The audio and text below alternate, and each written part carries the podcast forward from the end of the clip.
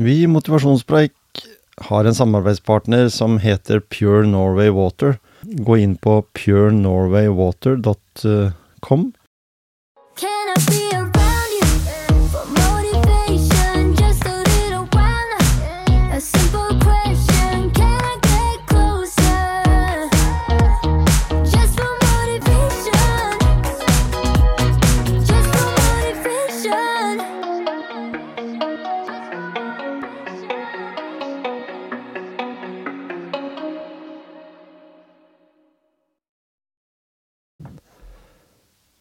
Da er vi i gang med en ny episode i Motivasjonspreik, og i dag så skal vi snakke med Hege Helene Bakke fra Rådet for psykisk helse. Velkommen til Motivasjonspreik.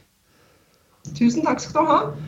Eh, Jeg syns jo dette var veldig spennende når du sa ja til å, å være med, for dere, dere er jo en, eh, en humanitær organisasjon. Men Ja, fortell litt om eh, hvilken rolle har du oppi dette her?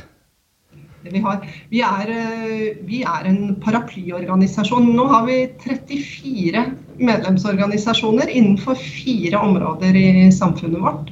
Det gjelder profesjonsorganisasjonene som er medlemmer hos oss, og pasient- og, altså pasient-, bruker- og pårørendeorganisasjonene eh, har valgt å melde seg inn hos oss. Og det samme gjelder for en del forskningsmiljøer eh, og for andre interesseorganisasjoner, som f.eks. Røde Kors og eh, Foreningen FRI Mm. osv., så videre, som eh, ønsker å samles under en slags, eller en felles paraply da, som, eh, som arbeider for en bedre psykisk eh, folkehelse. Mm. Og, og du er det, de for, det du kalles for senior rådgiver? Ja, Ja. det er jeg. Det betyr at jeg jobber eh, veldig mye med, eller med veldig mye forskjellig. Altså alt fra forebyggende arbeid, vært med på å utvikle en podkastserie angående psykisk oppvekst. Utviklet et skoleprogram for eh, ungdomstrinnet på skolen som handler om psykisk helse, gi kunnskap om psykisk eh, helse.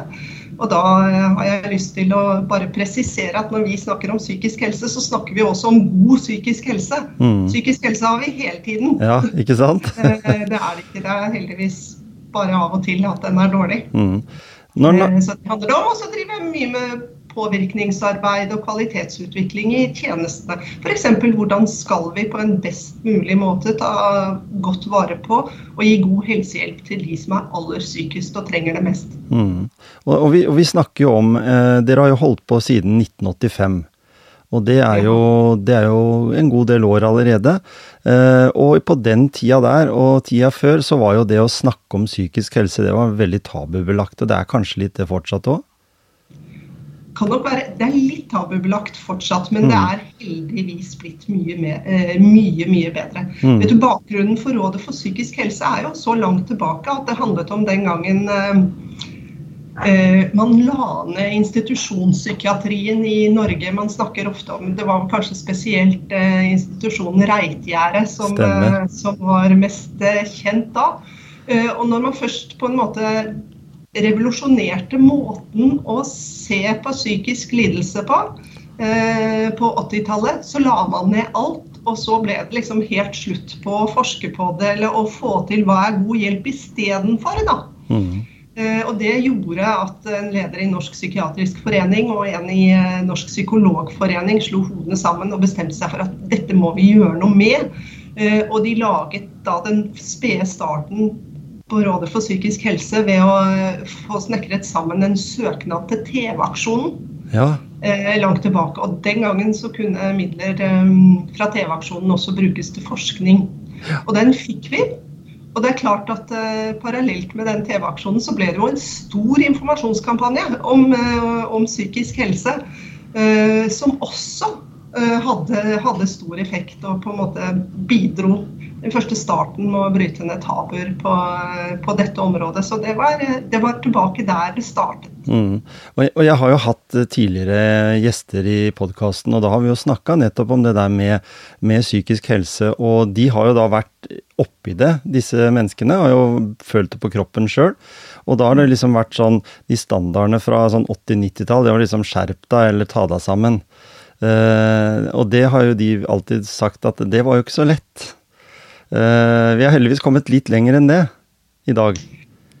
Vi er jo Vi har definitivt kommet, eh, kommet lenger enn det. Samtidig så tror jeg nok at eh, noen av de holdningene kan man møte mm. som enkeltperson fortsatt. Altså det der å stå opp om morgenen.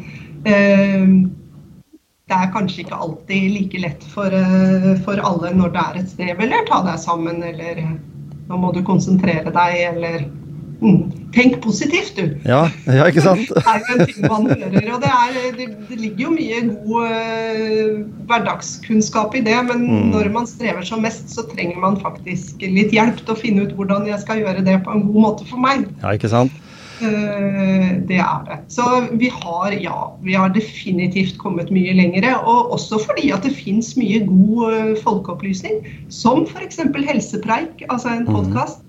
Det fins ting vi kan eh, gripe til eller lytte til, sånn så vi kan forsøke å hjelpe oss sjøl å snakke klokt med de, eh, de rundt oss i hverdagen. Og det var det ikke så mye av før. Nei, og, og når vi snakker om uh, de tingene dere jobber med, så, så er jo mye av dette her uh, god forskning rundt. Altså, vi, det vi skal snakke om i, i dag, er jo ting som det er forska på, ikke bare i Norge i en liten gruppe, men det er ganske sånn internasjonalt. Så, så dette er svære greier hvis en skal kunne si at eh, nei, det er bare tull, ikke sant. Det går ikke an fordi den testingen og den, det som er gjort her, er jo gir et godt, ganske godt uh, grunnlag, da. Det gjør det, og det er jo det vi eh, vektlegger hele veien. At det vi, det vi formidler videre når det gjelder eh, kunnskap og tips og råd, er forskning forankret i solid forskning over, eh, over tid. Ja. Eh, Og Det er vel også derfor en del forskningsinstitusjoner og organisasjoner velger å være medlemmer hos oss. Eh, Og vi formidler jo også veldig mye forskningssøknader eh, til stiftelsen DAM, hvor vi bidrar i utviklingen av Mm. søknader og kvalitetssikring og, og et ønske om å få det til. Så en, det er viktig for oss at det er kunnskapsforankret, Mm. eh, det vi formidler. Og en av de tingene vi hadde lyst til å prate om i dag, det er jo det med hverdagsglede. Det er et ord som, som egentlig har vært brukt uh, veldig lenge, men her har det liksom satt uh, bakgrunnen, eller litt i dette, fem om dagen. Og vi er jo, vi er jo fostra opp, i hvert fall i min generasjon og den jeg har vært med å skape, så har vi vært fostra opp om fem om dagen når det gjelder frukt og grønt. Ikke sant? Og da var det litt takknemlig å gripe fatt i akkurat den automat... Det er jo kanskje en av de mest vellykkede reklamekampanjer for Ja. TikTok som har vært uh, noensinne. Det er det første vi tenker på. Uh, og har, uh, derfor så ha, eh, har man hengt denne kunnskapen om hva vi kan gjøre for å kjenne litt mer glede i, eh, i hverdagen og ta litt, eh, litt kontroll på, på tankekjør og følelser. Mm. Eh, Selv har vi hengt på den kampanjen og spiller på fem om dagen for litt mer glede i hverdagen.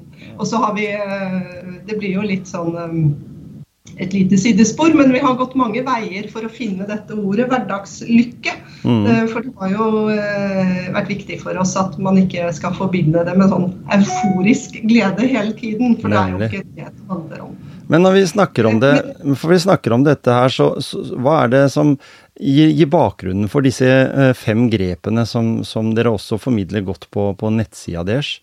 Eh, fortell litt om det. Det er eh, forsker og psykolog Ragnhild Bang-Ness fra Folkehelseinstituttet. Hun har eh, skrevet sin doktorgrad om dette hva er det som gir mennesket lykke, og hentet eh, forskning fra England. Basert på den så har hun eh, utviklet disse fem rådene, litt sånn tilpasset en norsk, eh, norsk hverdag og norsk mm. språk. Eh, Og vi har samarbeidet tett med henne for å spre denne kunnskapen eh, inn i folks eh, hverdag eller ut til folk, folk flest. Vi tenker det er råd som man faktisk kan bruke. Mm. Både i sin egen hverdag og når man snakker med barna sine, eller man snakker med sine eldre foreldre og skal prøve å stimulere til å, til å snu litt tanke, tankegangen og tankestrømmen da, når det Mm. blir litt for dystert. Ja, og det, og det er jo. Ja, ikke sant. Og vi er jo i en sånn situasjon nå For, for en generasjon nå så opplever vi jo eh, litt motstand for første gang på mange, mange år. Vi tenker på økte kostnader, det, det koster litt mer å, å leve akkurat nå. Sånn, hvert fall, alt, mye går jo på økonomi. Eh, det er ikke så veldig mye annet sånn. Altså, veier og, og klimaet vårt, for så vidt, har vi noen utfordringer, men sånn allikevel i hverdagen så er det jo ikke så mye annerledes. Men det har jo mye med det økonomiske å gjøre. Og så har det noe med hvordan vi på en måte sosialt får litt sånn bakrus fra pandemitid og, og sånne ting også, for det, det også har jo påvirka oss til, til, en viss grad. Uh, og da tenker jeg, når vi er inne på dette med fem om dagen, så, så, så tenkte jeg vi kunne begynne med det vær oppmerksom på grep én. Det gjør vi. Det er, eh, det er jo et enkelt lite råd, men det handler om å være oppmerksom på det Mm. som skjer rundt seg. De små tingene. Mm. Sola som skinner og glitrer ned i, eh, gjennom eh, løvet på vei til jobb om morgenen. Altså Mm. de små tingene. Og det høres banalt ut, men det gjør noe med vårt fokus og med våre tanker. Eh, å koble litt av fra det som skjer inni hodet, til det Mm. som skjer, eh, skjer rundt oss. Um, Og det, og den, det er en, en god øvelse kontinuerlig. Og det handler jo også om å være oppmerksom i arbeidstiden. Mhm. Være oppmerksom på det man gjør. Hva er det jeg syns er fint her? Kaffen smaker eh, godt. Så det handler jo mye om de små tingene. Ja, også en ting som jeg er veldig opptatt av, som jeg har snakka med mange om, dette med nysgjerrighet. Være litt nysgjerrig, være litt sulten på, på hva som skjer der ute, istedenfor å kanskje bare gå inn i den vanlige. Jeg, jeg tenker en sånn øh, Gå en annen rute på jobb, f.eks., eller bare sånne små ting som betyr veldig mye for hjerneaktiviteten vår, i motsetning til det å bare gå inn i den vanlige tralten. Ja. Det er jo akkurat det det handler om. Og så handler det om, ja, som du sier, være litt eh, nysgjerrig. At vi ikke gir etter for dette litt sånn angststyrte instinktet om at nei, vi skal si nei først. Ja. Eller først skal møte, møte noe nytt med. Eh, Men tenke at den kan jeg vente litt med, og så kan Mm. jeg se om dette kan få lov til å få en sjanse, da. Ja, og den, den funker, ja, og det funker jo å være oppmerksom. Det er mange som setter pris på det i den andre enden også. Ja visst er det det. Mm. det er, man ser jo, ser jo sine omgivelser på en eh, annen måte, og man møter sine omgivelser på en annen måte. Mm. Man får av og til med seg en liten eh, anekdote på veien, eller noe å fortelle om som er litt annerledes enn eh, å dele bekymringer. Men så har vi jo dette her det norske samfunnet, da, at ikke tro at du er noe, og ikke oppfør deg eh, som, som om at du har det så sinnssykt bra, i motsetning til meg, liksom. Du har jo alltid den. Men, men, det, men har dette her noe med Du tar en pille ikke sant, hver dag, hvis du tenker sånn på akkurat den, det grep én, da. Eh, Og den pilla, den tar jeg hver dag, uansett hva alle andre sier om at jeg er overpositiv, fordi det er jo så Du har liksom Ta for eksempel jobbsituasjonen, da, så er det mange som eh, Jeg jobber jo på sykehus, og vi er jo mange ansatte, og vi går mange skift, og eh, vi skifter ansikter vi møter hver eneste dag. Eh, Så er det sånn at herregud, hvorfor skal du være så positiv? Det er, det er litt sånn Det skal godtas, på en måte. Ja. ja, det skal jo det. Men man kan jo ikke gi seg allikevel, da. Nei.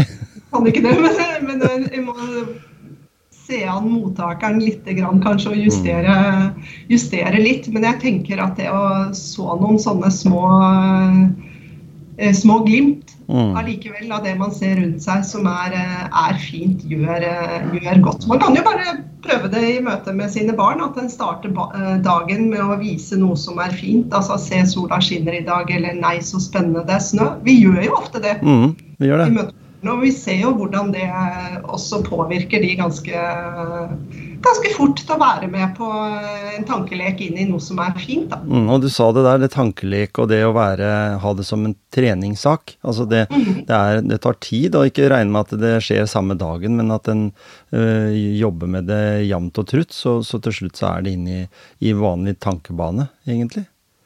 Det er jo det vi, vi håper. Man må Mm. øve litt, og så, eh, så blir det noe man kanskje gjør litt eh, mer automatisert. Mm. Og da gjør det noe med oss. det gjør at faktisk eh, ganske mye med helsa vår. Ja, og, det- og der er- kommer jo alltid spørsmålet opp, dette her med eh, trene på fysisk helse. Det gjør vi jo, altså sånn i forhold til at vi går på treningssenter og sånn. Men det er jo jo ikke gitt at eh, vi kan bare ta én øvelse på psykisk helse, og så vips, så er vi i gang. Det må trene på det òg. Ja, vi må trene. Mm. Det er trening som må, eh, som må til. Men det er også litt sånn at vips, så er vi i gang. Det går ikke av seg selv. Nei. Men hver eneste treningsøkt Ja. virker. Det er, eh, er viktig å si. Det er ikke sånn at man må når man må bygge muskler et halvt år, så tar det seks måneder før, før det syns. Det er det ikke. Det, effekten kommer veldig, veldig raskt, Det er, heldigvis. det er det de gjør. Så da kommer vi på grep to, som er da det vi snakker om nå, vær aktiv. Ja. Mm. Jeg syns det ordet 'vær aktiv' er veldig fint, fordi vi snakker så mye om trening, og jeg møter jo mange som uh, har litt sånn avmakt. De er blitt slitne av å høre det ordet trening. For de er langt unna uh, det nivået der sånn mentalt i forhold til en trening. Det er tungt, det krever tid, og det uh, krever penger for å være med på et treningssenter eller noe sånt, men det er vel veldig overdrevet. Ja, det fins jo andre måter å være, være aktiv på også. Mm. og Det er noe med å, å eh, gripe fatt i det. Det er jo jeg tenker Det viktigste grunnlaget å huske på her, det er jo at vi er jo på en måte ikke en syke og en fysisk kropp. Eh, Vi er ett menneske. eh, Så det er klart at hvordan vi tar vare på vår fysiske kropp Mhm. påvirker vår psykiske helse også. Eh, og vi kan, gitt det utgangspunktet vi har, så kan vi alle være aktive og fysisk aktive i noen grad.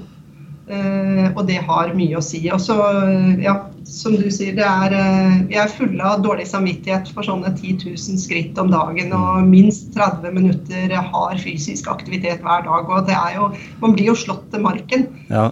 Eh, av sånne, sånne krav, så det kan være fint å legge til side. Men vi har godt av å bli fysisk slitne, altså. Jeg Mm. vil, vil understreke det. Også all aktivitet har, eh, har effekt. ja, ikke sant? Eh, Men den kan godt pushe seg sjøl til å kjenne litt grann puls og, Mm. og puste litt, eh, litt krevende. Det er Mm. ikke skadelig. Det er eh, godt for eh, kroppen vår og godt for hodet vårt.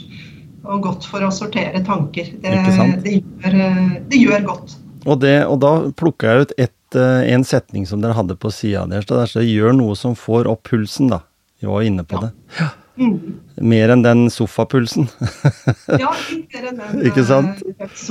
Ja, den er, det er ikke farlig. Det kan være litt ubehagelig. Ja, det er ikke farlig. Nei, det er Nei, nei. Uh, og da når vi kommer over på det uh, å fortsette å lære Ikke sant? Det er en fin eh, Altså I vår oppvekst så blir vi jo utsatt for ny læring hele tiden. Mhm. Eh, Og så stopper det bitte lite grann opp i, i voksen alder. Men det å, dette handler jo igjen veldig tett knyttet til dette med oppmerksomhet. Altså det gjør jo noe med oss å få til noe nytt. Mestre noe. Er, eh, gir glede hele livet. Og så eh, tar det vare på nysgjerrigheten å lære nye ting. Mm. Eh, Men det er nok spesielt den der mestringsfølelsen, det å få det til, um, som er bra. Så skal vi jo snakke om et, eh, et råd til etterpå som heter knytt bånd, så da skal jeg Mm. ta det. Men Mm. når vi lærer noe nytt, så gir de oss en god anledning til å møte noen nye mennesker. Mm. Og kanskje også møte de på en annen måte, eller møte mennesker vi kjenner fra før av på en annen måte. Eh, Ved å på en måte prøve å tilegne oss noe de, eh, de kan. Eh, Så det gjør jo Det rister oss litt ut av den vante hverdagen der Mm. ting bare går på repeat. Eh, Og vi får påfyll av noe nytt. Og det gir oss nye måter å tenke på, nye måter å føle på, og en ny måte å se tilværelsen på. Og vi, vi vet jo mange unge mennesker, da, hvis vi tar for oss de, de eh, Kanskje noen går inn i et miljø der foreldrene har vært i, f.eks. så er jeg med i Speideren eller i Røde Kors eller i andre organisasjoner. da, så, så får man veldig mye av dette her automatisk, for det er jo en del av prosessene i, i mye av disse Til og med i idrett, hvis du spiller fotball, så øh, vokser du i gradene, du blir eldre og, og får en del læring. Eh, som du sier, så stopper det litt opp når du kommer inn i det vante. Jeg husker jo sjøl når jeg var eller hadde barn som vokste opp, så fikk du veldig liten tid til egen uh, utvikling, da. For det måtte sette mye til side. Men så kommer vi da til en fase i livet da du begynner liksom å Ja, ungene de flytter ut, og så er ikke mamma og pappa de viktigste lenger. Eh, Da kommer vi på noe på dette her med å melde deg på forskjellige ting. Eh, Hva har du lyst til? Har du lyst til å begynne å male, eller har jeg lyst til å gå med staver sammen med andre? Altså finne, oppsøke visse miljøer. Så er det noen som sier med, til meg at ja, men det er for seint. Altså, det tar tid, du må være der fra du er yngre eller sånn, men det er, stemmer jo ikke.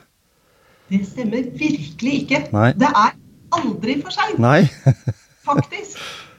Det er jo ikke det. Det har man jo, bare For å ta et eksempel, så har man jo begynt innenfor ergoterapien når eldre ønsker å leve eh, hjemme så lenge som Mm. mulig. Og begynt å trene på balanse. fordi at vi vet jo at eh, en av de store hjemmeskadene foreldre er jo fall. Mm. Altså Vi får innmari dårlig balanse etter hvert, og det er vanskelig å stå på ett bein og ta på seg den andre sokken. Mm. Det er liksom da det, da det skjer. Og da har man jo erfart at selv mennesker på rundt 85 mot 90 har stor effekt av den treningen. Mm.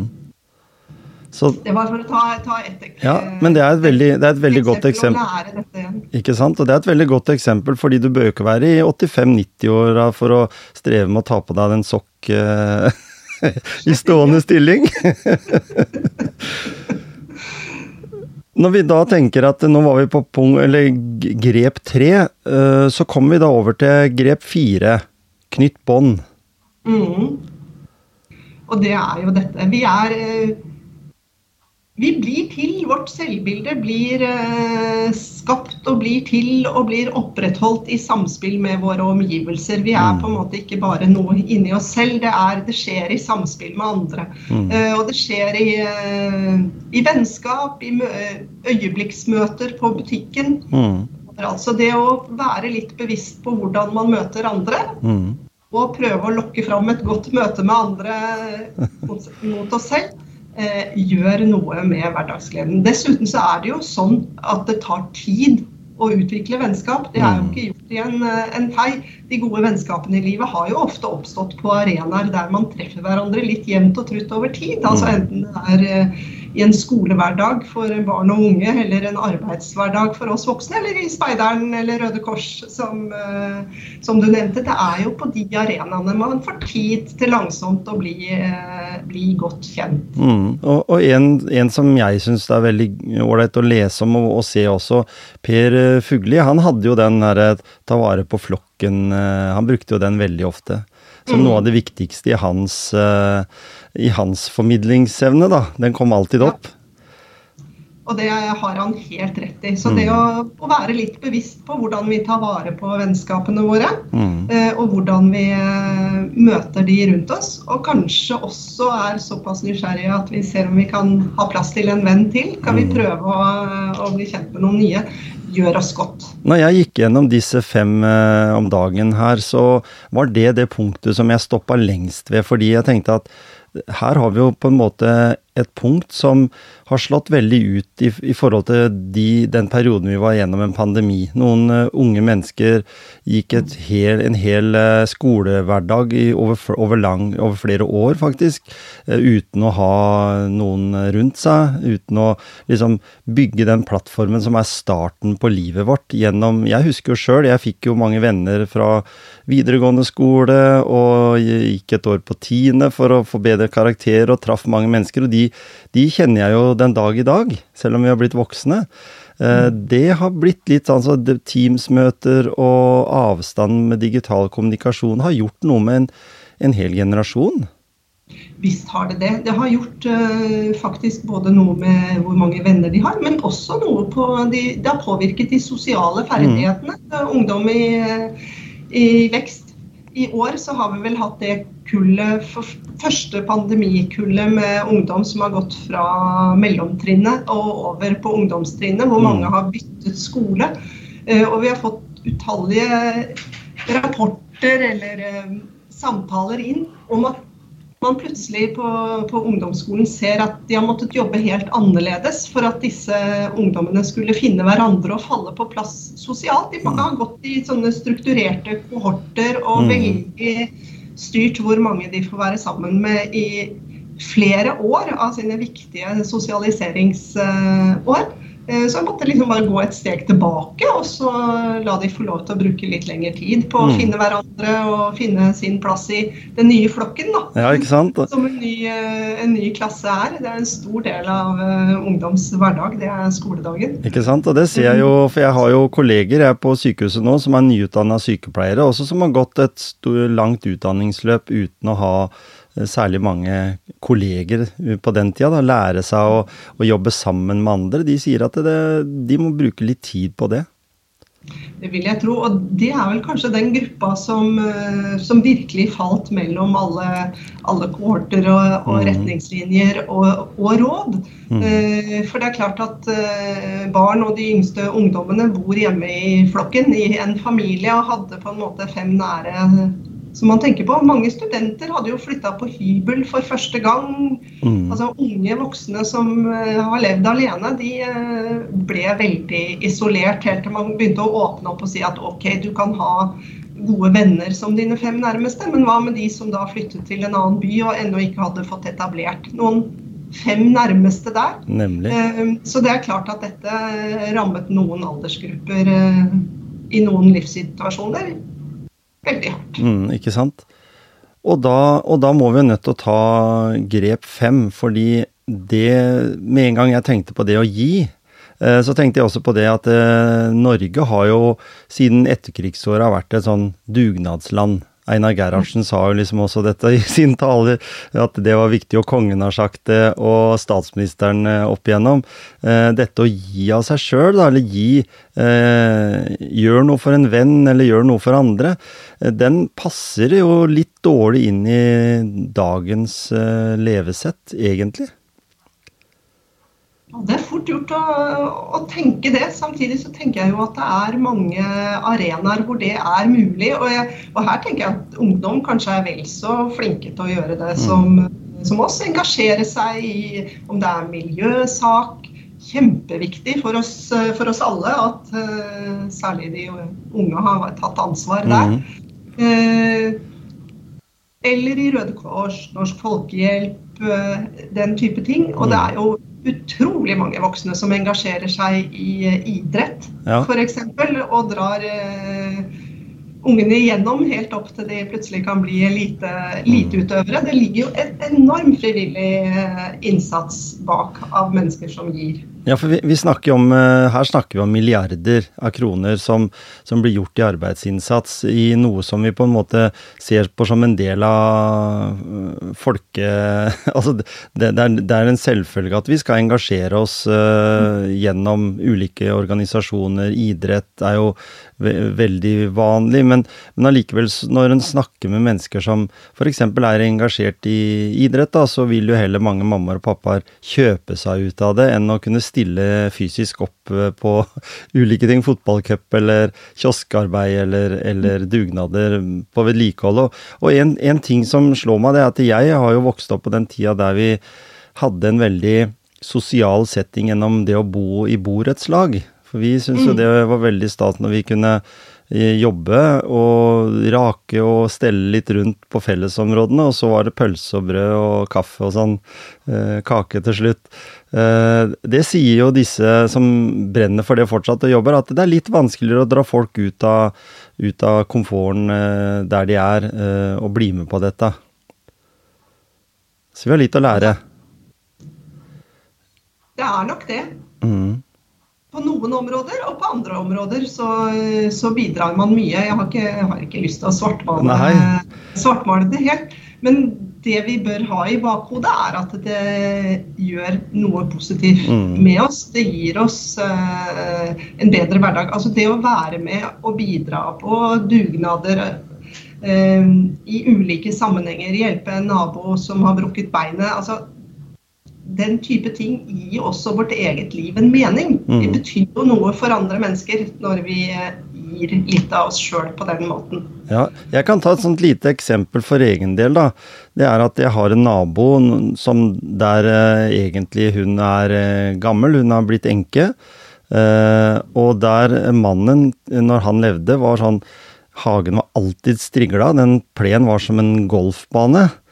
Eh, og så er det sønnen da, og barnebarn som nå står for det vedlikeholdet, fordi hun ønsker jo sikkert å bo hjemme. Eh, og hun er jo ikke i stand til det sjøl. Og en sånn liten ting som at vi har en sånn felles plenflekk da, som alltid han tok og klipte, så klipper jeg den nå. Og så kommer da sønnen til meg og så sier han at tusen takk for at du tok den. Det var bare en sånn bitte liten flik, så for meg så tok det akkurat to minutter ekstra. Men akkurat den tilbakemeldinga der var en sånn god følelse. Jeg får liksom litt sånn gåsehud når jeg snakker om det nå. En sånn liten ting. Og det er jo det jeg ville fram til gjennom det å gi, da. At det gir veldig mye tilbake. Det gjør det. Mhm. Og det er eh, viktig å tenke at uh, hvis jeg skal bidra med noe for andre, så blir vi litt slått til marken, og jeg gir og gir, tenker Ja. vi, og jeg blir helt utkjørt. Jeg får ikke noe tilbake. Men uh, det handler jo ofte bare om små ting. Mm. Uh, når vi tenker på dette. Det er de, de bitte små tingene som skaper bånd mellom mennesker og skaper, skaper et smil hos den andre. Mm. og som gir oss denne følelsen av å høre til og være med og på et vis bidra i et nabolag, f.eks. Mm. Altså være med å skape stemningen i sitt eget nabolag. Det er en god, eh, en god ting, og det gir jo en følelse av tilhørighet. Eh, og mange gode responser. Det har liksom sånne kjede, kjedereaksjoner eh, på den positive siden Mm. hele tiden. Den, den, akkurat den, den grep fem, da, den har jo litt med vår kultur der vi bor å gjøre. fordi bor du i Nord-Norge f.eks., så er det helt naturlig at flytter det inn en ny person i nabolaget, som kanskje til og med flytter inn fem kilometer unna der du bor, da. Fordi det er så mye større avstander. Så, så kan det være at en nabo kommer på døra og presenterer seg og har med kake eller et eller annet sånt. Litt sånn den amerikanske filmversjonen av det. Og, men sånn funker det faktisk. Og så, sånn, mens her nede så er det sånn Nei, men det kan jeg ikke gjøre, det er frekt, liksom. Så, så, men, men allikevel så tenker jeg at dette er jo en treningssak. Dette òg. Visst er det det. Ja. Eh, og det er jo, vi kan jo dra oss selv utenfor komfortsonen. For nå er det jo nesten blitt sånn at vi må sende noen en SMS Ja. og spørre om det er greit at vi ringer. ja. Så kanskje man skal eh, være litt vill og så tørre å ringe noen uten å avklare på forhånd. Eller tørre å ringe på døra. Det er jo ikke så store tingene som skal, eh, skal til. I, da, I dag så har ikke alle ringeklokke engang på døra. Det er liksom det Nei. også, fordi det er så uvant å behøve å gjøre det. Det er akkurat det. Så der har vi noe... Det verste som kan skje, er vel at noen sier at det passer ikke i dag, men det har vært veldig hyggelig en annen dag. Er, er, er vi litt redde for å få avvi, bli avvist? Ja, det tror jeg. Mm. Vi er redd for å forstyrre og Ja. være i veien. Mm. Eh, og så er vi innerst inne litt, eh, litt redde for at eh, vår gode intensjon ikke ses eller blir avvist. Mm. Det er klart det. Vi vil ikke være han gærne naboen som hele tida kommer på døra og, og spør, selv om det er positivt ment. Skal jeg, skal jeg rydde garasjen din, f.eks., og ringe på deg? Ja. Herregud, han var jo frekk, han ville jo rote i garasjen min, liksom. Nei, vi har ikke å være, være den. Når, når vi da oppsummerer disse fem grepene, da, eh, så er jo dette noe tenker jeg sånn, Dette er jo en selvfølge. Dette er, bør jo være innprenta i alles eh, eh, bevissthet, hvis en skal si det på den måten. At en, at en på en måte lever med, med disse reglene. Akkurat som vi spiser bananer og epler og grønnsaker og sånn. Så da blir det egentlig det viktigste vi kan tenke etter her i livet vårt, det er å ha tid om dagen. Ja, Ja. det er faktisk helt sant. ja. Og de må være en god blanding mellom eh, sunn mat og eh, kloke måter å tenke på. Mm. Vi, skal ikke, vi skal ikke ta den her kostholdsdebatten her i dag, men vi skal snakke litt om eh, løsninger som er eh, digitale, hvis en kan kalle det det. da. Dere bruker jo de mediene, utvikler eh, f.eks. en veldig god podkast, den kan anbefales. Eh, fordi her snakker vi om ting som jeg som forelder burde ha skjønt for mine barn. Vel mye mer. Og så snakker vi om eh, apper som også kan brukes. Fortell litt om det jobben dere gjør der. Det gjør vi. vi har, for to år siden så startet vi arbeidet med hva skal vi si, en kunnskapsbank som består av alt fra artikler til podkastserie til, til filmer for voksne som jobber med barn, for foresatte, foreldre. eh, og for andre som er interessert i barn og ungdom, hvor vi ønsket å eh, beskrive og sette ord på en normal psykisk utvikling, eller mental oppvekst, som Mm. vi kaller det. Også fordi at vi ikke ønsker å sykeliggjøre normaltilstander. Vi ønsker å vise at livet kan være ganske brutalt uten at det handler om eh, psykisk lidelse eller psykiske vansker heller. Og at det er mye, mange utfordringer på veien som vi rett og slett må ta tida til hjelp for å, for å stå av. Mm. Eh, Så det handlet veldig mye om å dempe litt bekymring, men samtidig gi litt klok kunnskap om hva som skal gjøres. Så der er det på psykiskoppvekst.no så ligger det mange gode artikler. Mm. Og i, under samme overskrift så har vi laget en podkastserie med 17 små episoder på alt fra 10 til 20 minutter om ungdomsårene. Fra de begynner i 8. klasse til de er ferdig på videregående. Og der har vi med oss både fagpersoner på feltet og ungdom selv. Mm. Vi ønsket å lage noe annet enn en podkast med den eksperten som forteller alt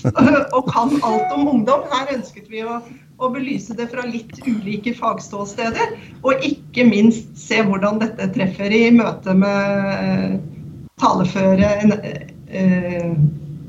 og aktive unge som mener noe om sin Mm. egen, eh, egen hverdag og sine egne livsutfordringer. Så der har vi eh, episoder om alt fra hjernens utvikling. Det er for, for øvrig den eneste episoden der ungdom ikke er med, men hvor det er en veldig klok ekspert. Mm. En lege som forteller oss om denne ungdomshjernen og hva som skjer eh, inni der, og hvorfor det svinger så ofte, og hvorfor en helt stillesittende 15-åring påstår at han er så sliten. Ja. Hun forklarer at det er han nok sannsynligvis også. Det skjer enormt i, eh, i hjernen til en Mm. ungdom i disse, disse årene. Så det er en av episodene. Det handler om opplevelsen av knytte bånd, altså vennskap, utenforskap. Uh, handler om en sånn gjennomgående antakelse vi har i vårt samfunn om at alle har en bestevenn. Det er jo ikke sant. Det er mange som har mange bekjente, mange gode venner på litt ulike områder. Mm. Um, som tar litt uh, livet av noen, noen myter og gir litt andre forklaringsmodeller på en del ting, som er gode å ha med seg for ungdommene, også for oss uh, foresatte, må jeg si. Ikke sant. Og du, du, Ja. nevnte, du nevnte dette her å bli sliten, men jeg ser, la merke også i en av episodene der som dere omhandler stress. Fordi Mm. stress er jo et sånn eh, negativt lada ord egentlig, da, fordi før så var det sånn at det var noen få, ja han der eh, sjefen min, vet du, han er så stressa, Uh, ja, mens ingen av vi andre var det, sånn i utgangspunktet. Men i dag så opplever jo unge mennesker uh, helt ned i, faktisk så ned i barnehagealder, uh, stress. Ja, de gjør det. Mhm. Vi har eh, hva skal jeg si, vi, vi gjør jo alt til eh, et middel på vei mot et mål om å realisere den beste versjonen av seg selv. Mhm. Det er et eh, strevsomt, eh, strevsomt liv der Ja. vi alle kommer til kort ganske ofte. Mm. Uh, og det kan synes som om vi putter, uh, putter stress helt inn i, i barndommen, rett og slett. Og så er jo stress et ord som, som favner mye. Det er noen som opplever Det er, kan være livshendelser i en familie, som at f.eks. et familiemedlem blir rammet av al- alvorlig sykdom. Det skaper jo også et stress og en mm.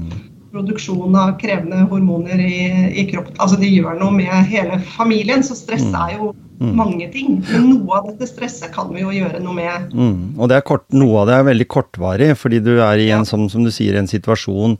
Det kan være at du blir utfordra, og det stresser deg opp, og sånt, og så takle en del av stressnivået. Men så er det noen forskere da som sier dette med stress, at eh, det er jo like skadelig som å røyke. Ja.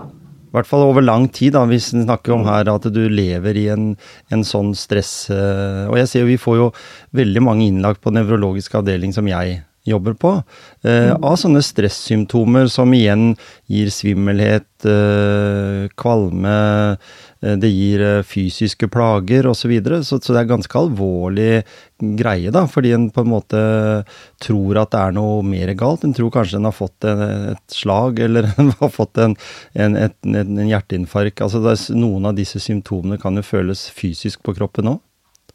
Og visst kan de det. Og det er, Mm. det er klart at når man lever under eh, stort stress over lang tid, så går eh, hjernen i beredskapsmodus Mm. hele tiden. Ikke sant? Eh, og da er liksom det første som framstår for oss som handlingsalternativer, er jo dette fight, flight or freeze. Det er Mm. liksom det man, man går i hele tiden når man er veldig, veldig stressa. Og det gjør noe med, med helsa vår, også den psykiske, psykiske helsa. Mm. Det er ikke så lett når man går eh, i full alarmberedskap og benytter seg av de fem om dagen. Nei.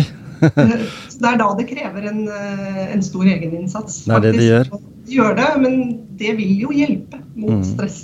Og så snakker vi om bare en, en helt naturlig reaksjon i vår hjerne, eh, som du sier også, i forhold til eh, den situasjonen menneskehjernen og, og mennesket i det hele tatt ble utsatt for den gangen vi oppsto. Ja, det er, jo, det er jo helt nødvendig for oss. Og jeg tenker Frykt er den viktigste følelsen vi mennesker har, for, Mm. eh, fordi det gjør at vi eh, regulerer og tar forhåndsregler som sikrer overlevelse både for oss selv og flokken. Nemlig.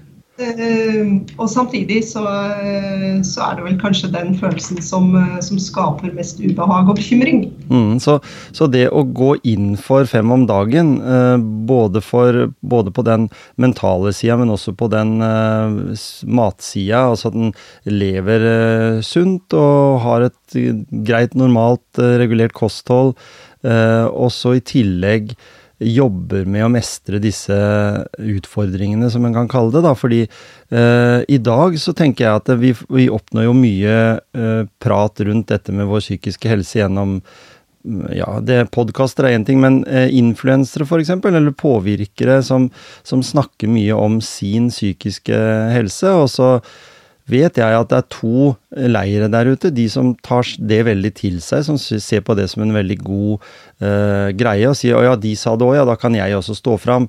Men så har du de som sier at eh, hva vet de om psykisk helse, skulle bare visst hvor syk man er.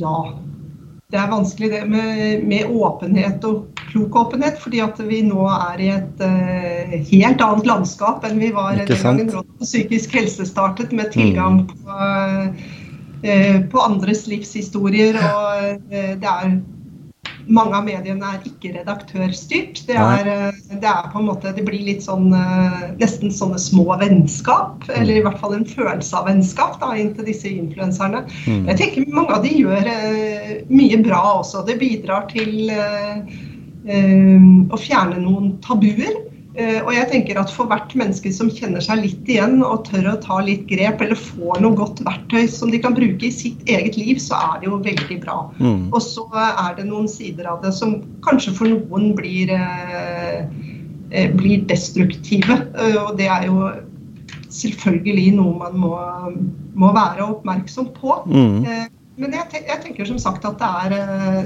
flere, flere sider ved den verden som er eh, der ute. Det er det. Jeg har, eh, jeg har lyst til å si litt, grann, hvis jeg får lov til det her, om, om hva som er tilgjengelig på eh, sosiale medier, eller, ah, sagt, eller hva som er tilgjengelig digitalt. da, Ja, kjør. hjelpemidler. Ja, kjør på. Eh, Som vi vet om som både eh, ung.no anbefaler og Helsedirektoratet. Det, er- det fins noen veldig kloke, fine apper til bruk. Mm. Det er jo sånn at vi mennesker, enten vi er barn, voksne eller gamle, vi produserer en enorm mengde tanker hver dag. Det er de Ekspertene sier mellom 60 000 og 80 000 tanker hver dag. Det er jo et kjør. Ja. Virkelig. Eh, og det krever litt øvelse å håndtere det. Vi pleier å kalle det modning, og påstår at det inntreffer omtrent rundt 25-årsalderen. Og det gjør det. Da blir man litt flinkere til å kaste unna de tankene som ikke er, eh, er konstruktive hele, hele tiden. Men vi gjør det. Og som jeg sa, vi har, eh, disse tankene de eh, utløser noen følelser. Eller kanskje det er følelsene som utløser tanker. Det vet vi ikke helt, men det er et tett samspill Mm. eh, mellom eh, disse tankene. Og som jeg sa, frykt er jo noe av det som, eh, som styrer oss i veldig stor grad. Og det er jo det som disiplinerer oss også, som gjør at vi forbereder oss. Det er det som gjør at vi leser til eksamen. Det er det som gjør at vi sparer litt penger til dårlige tider. Det er det som gjør at vi eh, sørger for at vi har ved nok til vinteren, så vi ikke skal fryse. ikke sant? Det er jo en sånn eh, regulerende følelse som gjør at vi iverksetter tiltak som er, er nødvendig. Men det kan også være strevsomt. Eh, og da har vi nå da har Hanne Brorson, en eh, klok psykolog som eh, er ekspert på metakognitiv terapi, har utviklet en strålende app sammen med veldig mange av Norges fastleger som har vært involvert i dette prosjektet. Fordi de alle sier at hvis de finner noe eh, som kan hjelpe mennesker uansett alder når de går i den grublefella og overtenker, mm. da har vi løst et stort folkehelseproblem. Og da har de utviklet en liten app som heter Grubbel. Ja. G-R-U-B-L. eh, Hvor du kan gå gjennom noen øvelser og få se en del veldig informative og ganske morsomme informasjonsfilmer om hvordan vi mennesker eh, surrer det litt til for oss selv rent tankemessig, og får noen gode råd om hva vi kan gjøre rett og slett når vi sitter dønn fast i den eh, grublefella. Mm. Så den vil jeg varmt anbefale Så bra. å ta en titt på. Enten man føler man trenger det eller ikke, men det er noen eh, kloke filmer der om, eh, hvor de forklarer på en veldig god måte hvordan, eh, hvordan hjernen vår av og til lurer oss, Mm. og samtidig som de forteller hvorfor det er så viktig for vår overlevelse at den fungerer sånn som den gjør. Ja, og det er som, det som vi er inne på helt i starten her, dette at det, dere har gode eh, dere, dere har dyktige mennesker som eh, jobber frem dette her. Så det er ikke en sånn antage Altså noen sitter, eh, noen besserwissere her og sier at sånn bør det være. Det er snakk om forskning her. Her er det snakk om forskning, og det er forsket og det er testet ut. Og det er også kvalitetssikret. Eh, Denne appen eh, ligger bl.a. på Helsedirektoratets eh, sider Mm. over Så bra. eh, verktøy. Så det er Mm. viktig for oss at det er kvalitetssikret. Og, det er, eh, og jeg tenker at viktig og eh, kvalitetssikret kunnskap kan gjerne formidles med glede og litt humor. Mm. Og også et stort, eh, stort alvor. Da er det litt lettere å huske hva vi, hva vi lærer når det er så komplekse eh, ting. Men det må ligge kunnskap i bånn. Mm. Det gjør det her, altså. Men når vi snakker om den jobben dere gjør, altså Rådet for psykisk helse, går du inn på nettsida deres, så står det Rådet for psykisk helse jobber for et samfunn som bidrar til god psykisk helse for alle. Eh, når dere, der dere er, eh, snakker med tilsvarende, for det finnes vel sikkert tilsvarende organisasjoner eller eh, sånn i andre land også. Hvordan er Norge sett i forhold til de sammenligningslandene vi, vi har rundt oss, Skandinavia eller nære Europa, eh, med prioriteringen for psykisk helse opp imot de andre? Det er eh, ganske likt. De, de landene det har vært vanligst for oss, eh, og er vanligst for oss å sammenligne oss med, rett og slett fordi den demokratiske strukturen er ganske lik, og de eh, sosiale tjenestene og, og fenomener som altså barnehage, skole, samfunnet er organisert litt på samme måte. Det er ofte England, Canada og New Zealand, faktisk Ja. som er ganske sammenlignbare. Mm. De skandinaviske landene er også sammenlignbare, men vi er eh, på mange måter litt forskjellige. Eh, I hvordan vi eh, inkluderer når man har rett på barnehage og når man Mm. ikke har det. Og eh, når man starter skolegangen og når man ikke, ikke gjør det. Så det går ikke an å sammenligne helt eksakt. Nei. Eh, Det gjør det ikke. Men, sånn, men da altså sånn å bruke da eh, å støtte seg til forskning, fordi vi vet jo det at det både sånn som England i hvert fall, og Canada eh, New Zealand er jo et land som vi hører veldig lite fra, men som det virker som det er veldig harmonisk og sånn. Ja, det gjør det. Ja. Og når jeg da tenker på sånn som England, eh, som en sammenligner også med dette her med, med fem om dagen, som, som de også har testa ut der, så, er, så tenker jeg Kunne vi på en måte vært enda flinkere til å samarbeide på tvers av landene innenfor dette her, for å, for å løse eh, kanskje den eh, posten i, i forbruk økonomisk som er størst, altså, og som bare vokser? Ja, vi kunne nok kanskje vært flinkere til å hente, hente kunnskap fra Ja. hverandres eh, erfaringer. Mm. Og samtidig så tenker jeg jo at vi har et veldig godt eh, Vi har jo Folkehelseinstituttet. Vi Mm. har eh, en del eh, instanser i Norge som sørger for at vi henter hit eh, ny kunnskap Mm. eh, utenfra. Eh, og forsøker å tilpasse det norske forhold. Eh, og det er jo viktig. Det er jo noe som er litt eh, spesielt for norske, norske forhold. Det, er, det å oversette f.eks. et skoleprogram fra et språk til et annet, så, skal det, så er det på en måte ikke bare å oversette ordene, men de skal treffe, treffe kulturen og, og hvordan vi forstår de samme begrepene. Mm. Det er jo liksom litt med det, ja. Eh, Her, så, det, så det er et møysommelig arbeid som må til allikevel. Da. Mm. Ja, det holder ikke med Google Translate da. Nei, det gjør ikke det. Gjør ikke det. Dere har med dere kronprinsesse Mette-Marit, eh, så hun er deres beskytter. Ja, Betyr, det betyr, vil jeg regne med betyr en god del for dere? Det betyr mye for oss. Mm. Eh, Både fordi hun er veldig interessert i dette, dette området, og fordi at hun velger å bruke sin posisjon til å hjelpe oss å rette oppmerksomheten mot uh, psykisk helse og betydningen av eh, godt forebyggende arbeid på Mm. dette, Mm. dette området. Det er klart at det hjelper eh, i forhold til å redusere tabuer, og det gir, eh, gjør at litt flere åpner øre, ørene for det de har å si. Mm. Så vi opplever det som eh, et kvalitetsstempel, altså. Ja, så bra. Hvordan, hvordan ser du Rådet for psykisk helse inn i framtiden nå?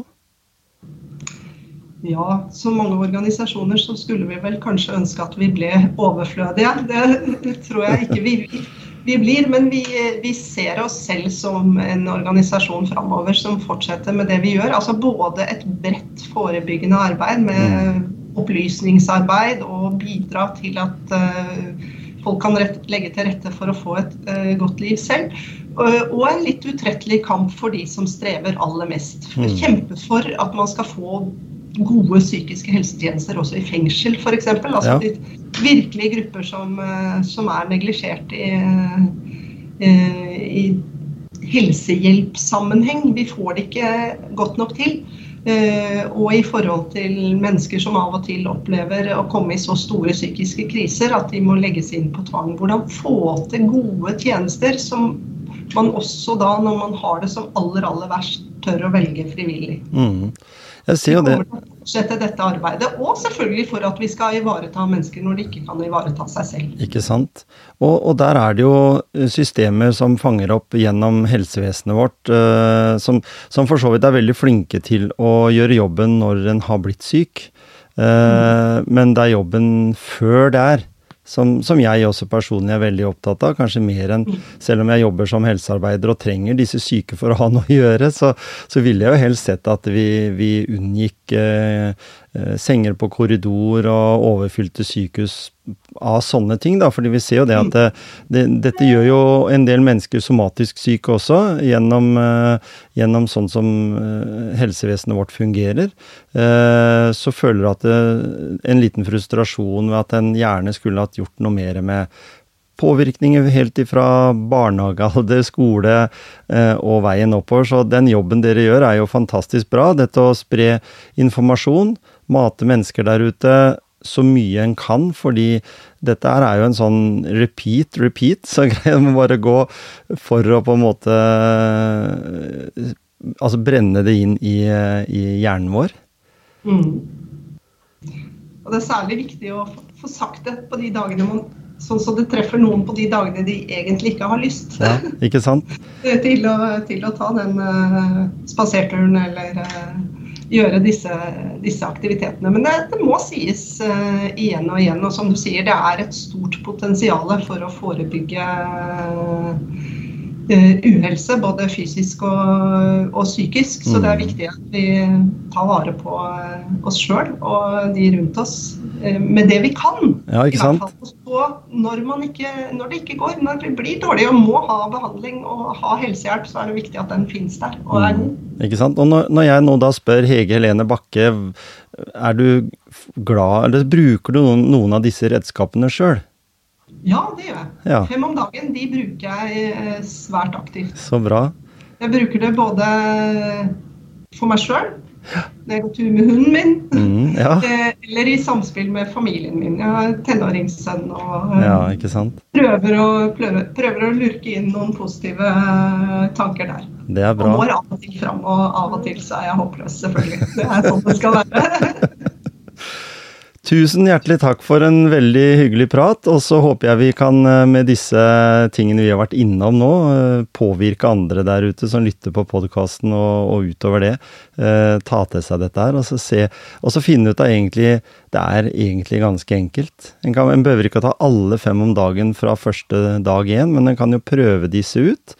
Og så kan du gå inn på nettsida deres og så pugge det litt òg, fordi det er klart det er ikke sikkert alle får med seg alt når vi, vi kunne snakka om mer på hvert enkelt punkt, men, men vi, jeg håper i hvert fall at det Jeg har, jeg har en eh, god venn av meg som heter Gisle Johnsen, som, som hele tida spør meg hva skal vi gjøre for å finne den enkleste formelen for at folk blir mer aktive? For det er liksom der utfordringa ligger. Om du har perfekte treningssenter med flotte apparater, eller om du har en eh, turløype rett på utsida av kjøkkendøra eller, eller utgangsdøra di, eh, så er det å finne liksom den evnen til å si at eh, Oi, dette var jo så lett. Dette var jo så enkelt. Der er en jobb å gjøre. Ja, det er jo det som er clouet, og det er det vi har forsøkt å få til her. Ja, ikke sant? Så jeg anbefaler eh, appen. Den skal jeg, nå når vi er ferdig med vår preik her, så skal jeg inn og, og laste ned den, bare for å ha den også. Jeg bruker mange sånne mentale påvirkningsverktøy sjøl, ja, med meditering og, og alt med seg, så kanskje dette her er eh, en viktig ting og, som jeg også kan spre med, i, i mitt nettverk. Det får vi håpe. Så tusen takk for eh, praten, og så får dere ha lykke til med videre arbeidet dere gjør. Selv takk.